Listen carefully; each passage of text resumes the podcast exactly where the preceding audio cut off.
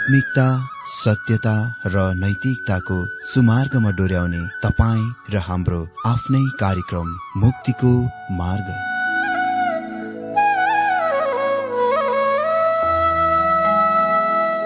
आदरणीय श्रोता यस मुक्तिको मार्ग कार्यक्रममा हार्दिक स्वागत छ। आशा छ यस आत्मिक कार्यक्रमद्वारा जीवनमा आत्मिक आशिष अलौकिक शान्ति र आनन्द प्राप्त गर्नुहुनेछ। र जीवनमा धन्य अनुभव गर्नुहुनेछ। आउनुहोस् श्रोता। मन र आत्माको तयारीको लागि यो मिठो अनि मधुर भजन गीत सुनौ।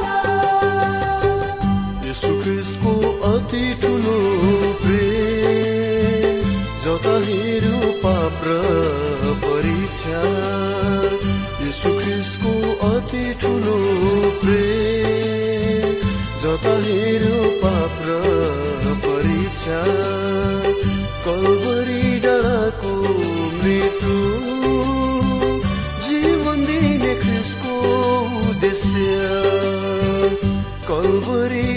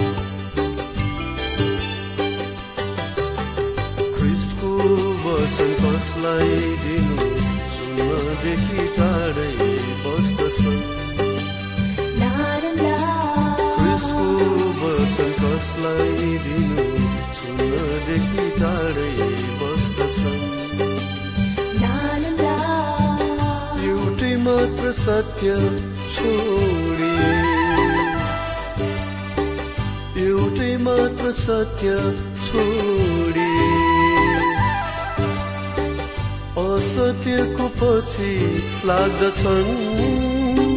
प्रभुदेखि टाढा भाग्दछन्। असत्यको पछि लाग्दछन्। प्रभुदेखि टाढा भाग्दछन्। यसु ख्रिस्टको अति ठुलो प्रेम जता हेऱ्यो पाप परीक्षा।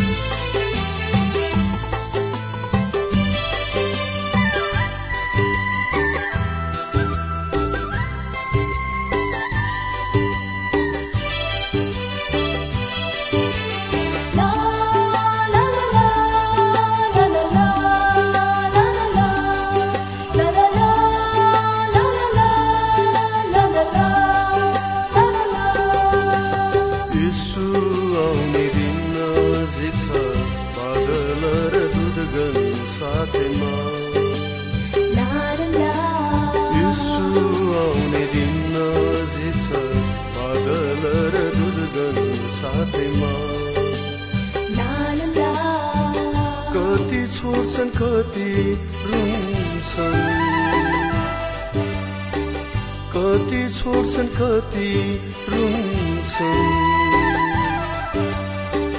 ख्रिसको दोस्रो आगमनमा संसारको अन्तिम घडीमा ख्रिसको दोस्रो आगमनमा संसारको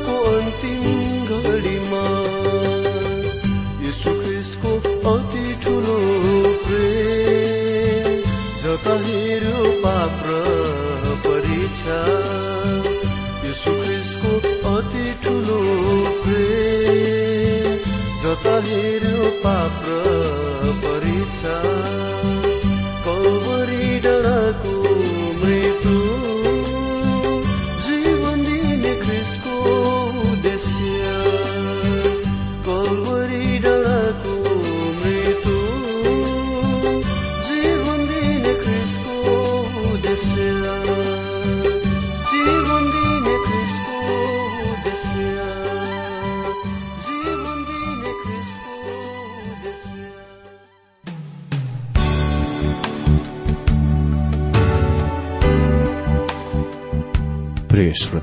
यो प्रसारण मार्फत यो अवगत गराउन चाहन्छौ कि प्रभुको सेवाको लागि यहाँहरूको साझेदारी नित्यन्त आवश्यकता छ। यहाँहरूले प्रार्थनाको साथसाथै आर्थिक सहायता गर्न अनुरोध गर्दछौ। तपाईँहरूको सानो भन्दा सानो भेटी किन नहोस्? हामी प्रभुको नाममा स्वीकार गर्नेछौ प्रभुको सेवाको लागि। तपाईँहरूको यो सानो लगानीले कसैको जीवनमा भिन्नता ल्याउँछ अनि प्रभुको महिमा हुन्छ। प्रभु तपाईँहरूलाई महान गरी आशिष दिनुहुनेछ। इच्छुक श्रोताहरूले तपाईँको इच्छा भेटी हाम्रो ठेगानामा पठाउन सक्नुहुन्छ जुन ठेगाना हामी कार्यक्रमको अन्तमा दिनेछौ। प्रिय श्रोता मित्र प्रभु येशु ख्रिष्टको मधुर अनि सामर्थ्य नाममा मेरो जयमसी साथै हार्दिक स्वागत छ आजको यो कार्यक्रममा। श्रोता आज हामी बाइबल अध्ययन आमोस सात अध्यायबाट अध्ययन गर्न गइरहेका छौं। यो सात अध्यायले आमोसको पुस्तकको तेस्रो र अन्तिम मुख्य भागको खुल्दछ। यी अन्तिम तीन अध्यायहरूमा हामी भविष्यको दर्शनहरू देख्दछौ। अनि परमेश्वरले आमोसलाई दिनुभएका यी दर्शनहरूमा केही दर्शनहरू अति नै धेरै उल्लेखनीय छ। त सबभन्दा पहिले हामी देख्नेछौ सलहहरूका दर्शन। आमोस सात अध्ययको एक पदमा लेखिएको छ परम प्रभु परमेश्वरले मलाई यो देखाउनुभयो। राजाको हिस्साको कटनी भइसकेपछि र दोस्रो बाली आउँदै गर्दा उहाँले सलहको बथान तयार गरिरहनु भएको थियो। त्यहाँ दुई प्रकारका उपज बालीहरू थिए जुनको त्यस दिनमा जमिनबाट फसल काट्न सकिन्थ्यो। अगौटे र पछौटे बाली। अनि यो हाम्रो मुलुकको धेरै क्षेत्रमा एकदमै ज्ञात र परिचित कुरा हो। त्यस दिनमा त्यो पहिलो बाली वा उपज चाहिँ राजा कहाँ करको रूपमा जान्थ्यो। वास्तवमा मानिसहरूले दशांशको रूपमा दश प्रतिशत भन्दा धेरै दिदथे। यो अनुमान गरिन्दछ कि तिनीहरूले आफ्नो जमिनबाट उत्पादन गरेको कुराहरूको तीस प्रतिशतसम्म दिदथे। सबै हामीले एकट्ठा गरेर हेर्दाखेरि। र यहाँ हामी यसको उदाहरण देख्छौ। तर यस समय राजाले पाउने आफ्नो करको भाग पाइसकेपछि सलहहरूको वा फट्याङ्ग्राहरूको महामारी आयो र तिनीहरूका भागका प्रत्येक बाली उपज खाइहाले र तिनीहरूका निम्ति केही पनि बाँकी छोडेनन् जसले वास्तवमा कठोर परिश्रम गरेर बाली नाली लगाएको थियो। यो दण्ड थियो जुनले मानिसहरूलाई घचघचाउनु पर्ने थियो र तिनीहरूलाई सचेत र होसियार बनाउनु पर्ने थियो। दुई पद। जब तिनीहरूले भूमिको बाली नाली सखा पारे तब मैले भने हे परमप्रभु परमेश्वर क्षमा गर्नुहोस्। याकुब कसरी बाँच्न सक्छन्? किनकि तिनी त साह्रै साना छन्। मित्र त्यसपछि तीन पदमा लेखिएको छ यस कुरामा परमप्रभु नरम हुनुभयो। यसो हुने छैन परमप्रभुले भन्नुभयो। आमोसले परमप्रभुलाई पुकार गर्दछन्। तिनीहरूलाई क्षमा गर्न र सहायता गर्न अनि यो कुराको ध्यान दिनुहोस्। परमप्रभु अझै इसरायलसँग धीरजी हुनुहुन्छ। भनिएको छ यस कुरामा परमप्रभु नरम हुनुभयो। यसो हुने छैन। परमप्रभुले भन्नुभयो। परमप्रभुले भन्नुभयो म त्यसो गर्ने छैन। म यस तरिकामा तिमीहरूलाई दुर्बल बनाउने छैन। उहाँले सल्लाहहरूलाई हटाउनु भयो र उहाँले तिनीहरूलाई असल बाली उपज दिनुभयो। तपाईँ सोच्नुहुँदो हो उहाँको यो कोमल दया र कृपाको कारण ती मानिसहरू उहाँका फर्किआउनेछन् तर तिनीहरू उहाँका कति पनि फर्केर आएनन् त्यसपछि हामी देख्छौ आगोको दर्शन चार पदमा परमप्रभु परमेश्वरले मलाई यो देखाउनु भयो आगोद्वारा न्याय गर्न परमप्रभु परमेश्वरले ठहराउनु भयो त्यस आगोले महासागरलाई सुकाएर जमिनलाई पनि भस्म पार्यो। धेरै टिप्पणीकारहरू बाइबल विद्वानहरू विश्वास गर्दछन् कि यहाँ उल्लेखित आगो वास्तवमा खडेरी हो। म पूर्ण रूपमा यो भन्न इच्छुक छु कि खडेरी एक प्रकारले आगोको साथ साथ जाँदछ खडेरीको समयमा हामी प्राय आग लागिहरू देख्छौ।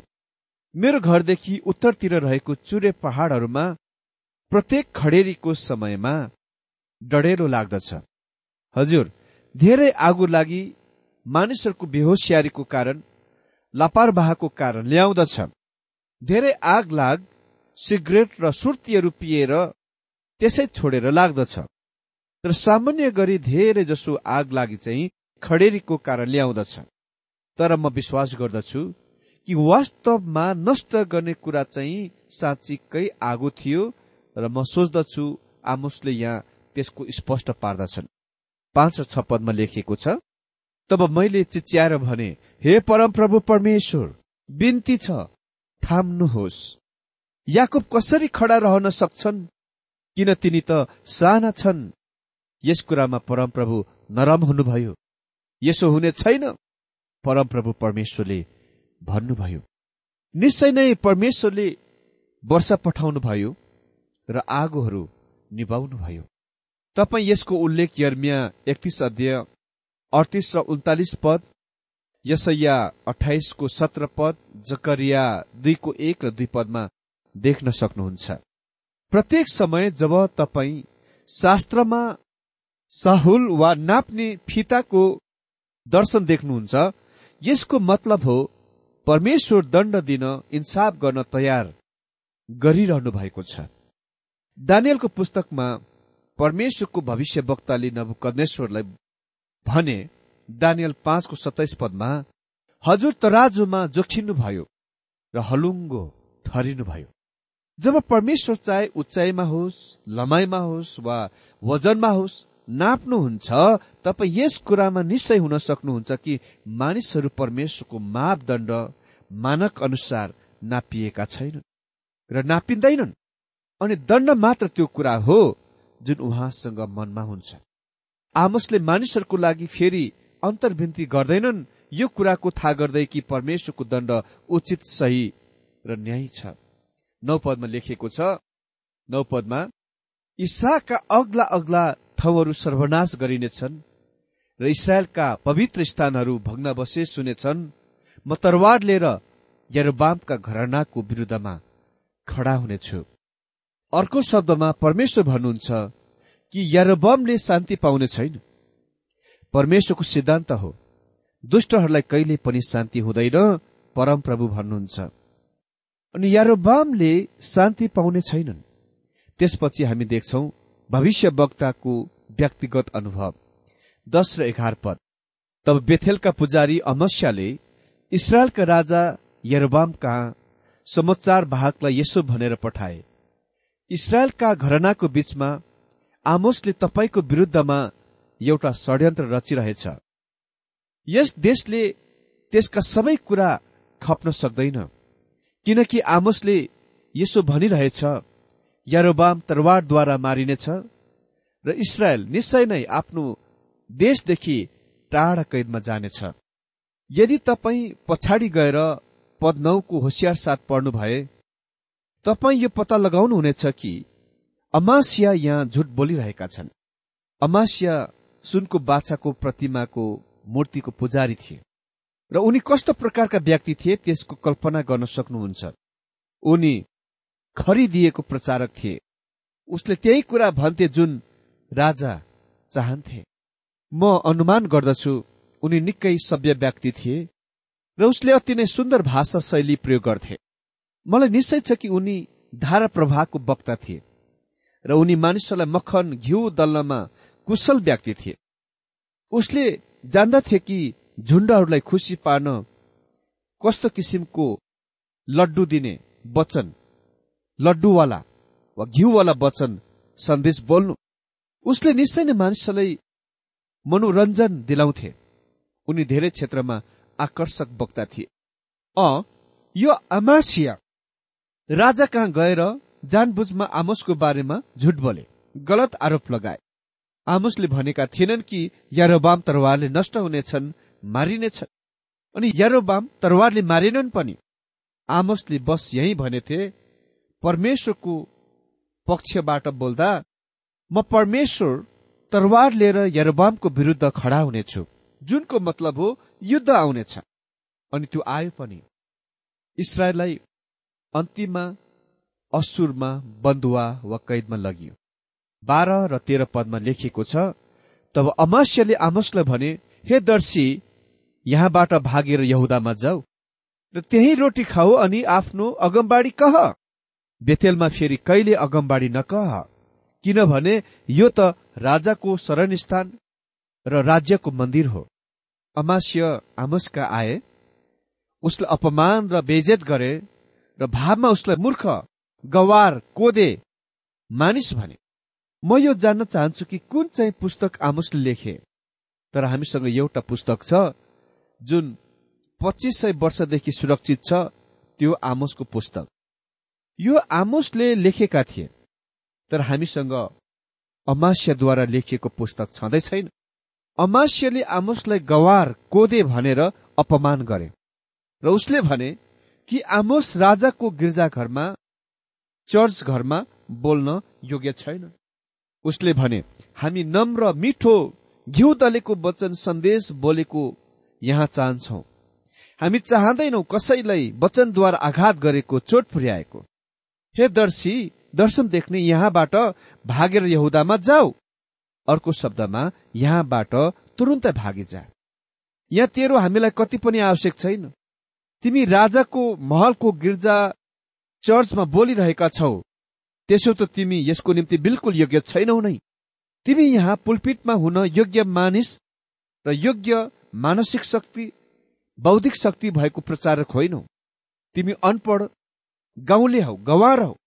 अहिले आमोस स्कुल कलेज र बाइबल कलेज डिग्री बिनाको प्रचारक भए तापनि उसमा सम्पूर्ण कला सिप अनुभव र ज्ञान अनि परमेश्वरको वचन थियो। किनकि उसले परमेश्वर स्वयंबाट बोलावट पाइकन यो सेवामा वा सेविकाईमा गएका थिए अनि उनी परमेश्वरका महान प्रचारक थिए। मानिसहरूले जान्दथे। जब तिनीहरूले उसको सन्देश सुने तिनीहरूले परमेश्वरको वचन पाइरहेका थिए। चौध र पन्ध्र पदमा लेखेको छ आमसले अमस्यालाई यो जवाब दिए म त अगमवक्ता थिइन। र अगमवक्ताको छोरो पनि होइन। तर म एउटा गोठालो र अन्जिरका रुखहरू हेरचाह गर्ने मानिस थिए।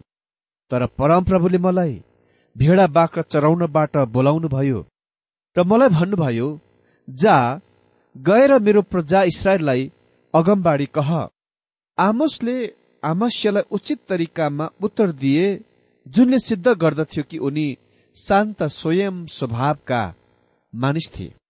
उसले भने म जान्दछु कि म भविष्यवक्ता होइन। म कहिले पनि भविष्यवक्ता हुने दावी गरिन। म कहिले पनि तिमीहरूको बाइबल स्कुलमा गइन। म भविष्यवक्ताको छोरा पनि होइन। म त खाली गोठाला केटा थिएँ र किम्बु छिबल्ने केटा थिएँ। तर प्रभुले मलाई लिनुभयो बोलाउनु भयो र उहाँले मलाई भविष्यवाणी गर्न बोलाउनु भयो म यहाँ यस कारणले छु किनभने परमप्रभुले मलाई यहाँ राख्नुभयो। भविष्यवाणी कहनलाई जब कुनै मानिससँग त्यस प्रकारको आत्मविश्वास र निश्चयता छ हुन्छ उसले वास्तवमा त्यस्तो आत्मविश्वास र निश्चयता पाएथे। कुनै मानिस अति नै धेरै निश्चय हुनुपर्छ कि उससँग परमेश्वरबाट बोलावट पाएको छ यदि उनी सेविकाईमा हुन गइरहेका छन् भने यदि उसको मनमा कुनै शंका छ सन्देह छ भने उसले त्यो गर्नु हुँदैन। अर्थात् सेविकाईमा हात लगाउनु हुँदैन।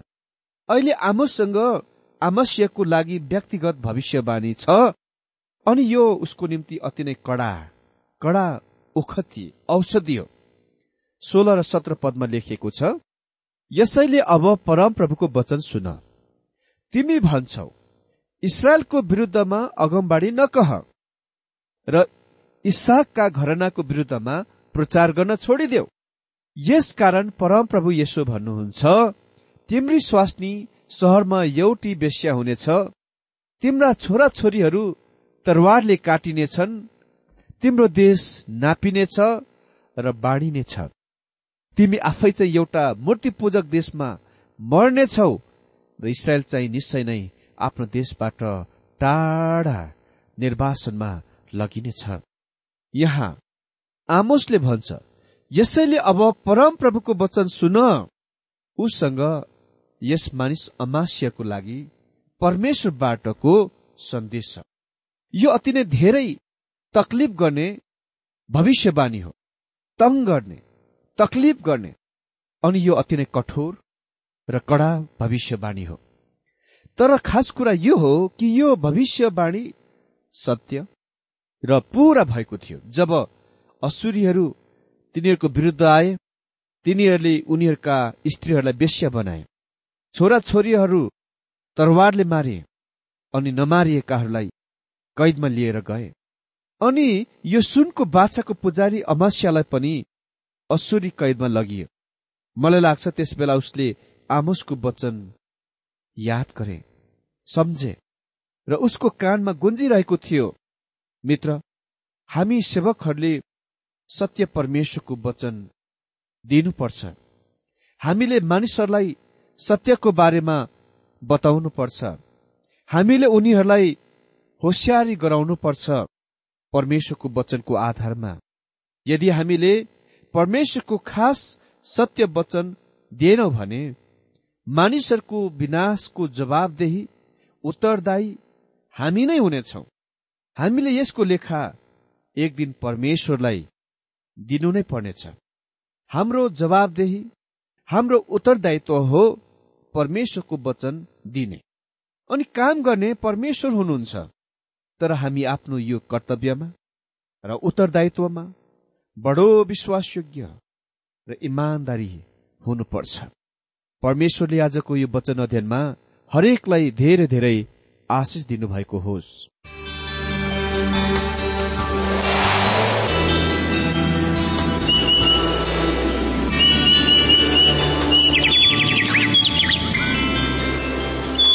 प्रिय श्रोता अहिले भर्खरै तपाईँले टीडब्ल्यूआर नेपालद्वारा सञ्चालित आत्मिक कार्यक्रम मुक्तिको मार्ग सुनिरहनु भएको थियो। श्रोता आजको यो कार्यक्रम सुनेर तपाईँलाई कस्तो लाग्यो? यदि यो कार्यक्रम सुनेर मनमा कुनै खुल्दुली वा कुनै प्रतिक्रिया अर्थात सुझावहरू छन् भने हामीलाई पत्रद्वारा लेख्न सक्नुहुनेछ।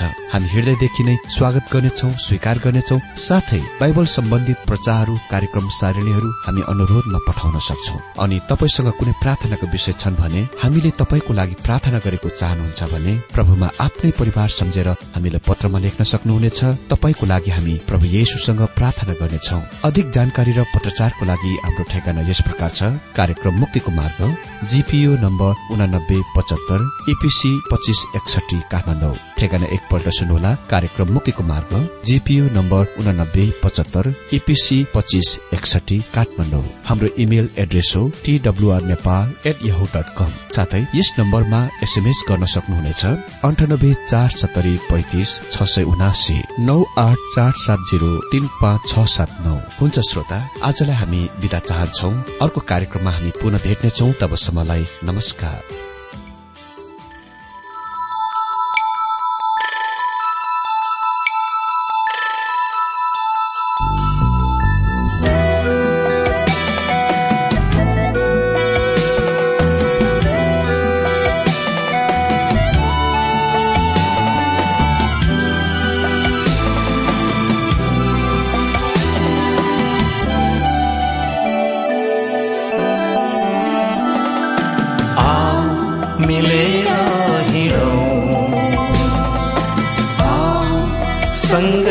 बढौँ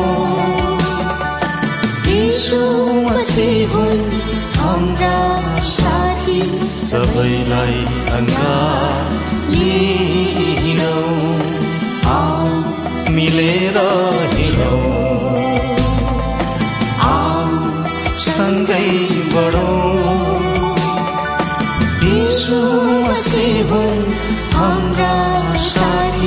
सबैलाई लिरौँ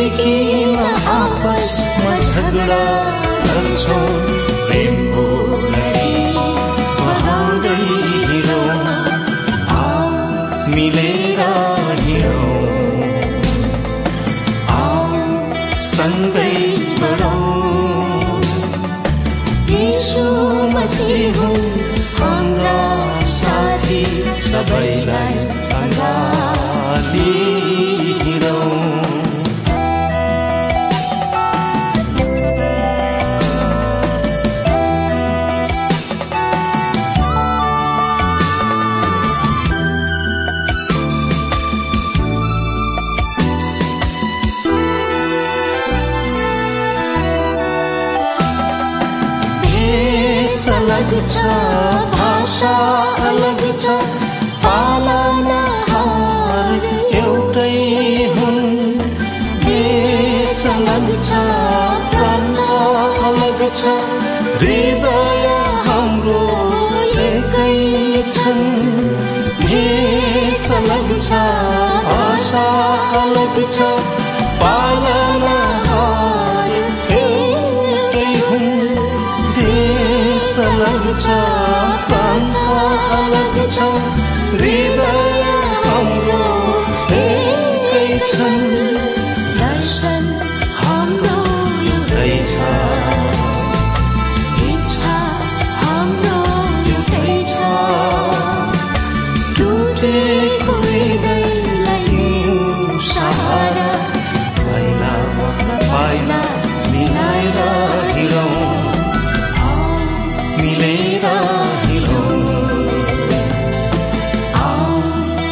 सँगै बढौँ हाम्रा साथी सबैलाई हिँडौँ आओ मिलेर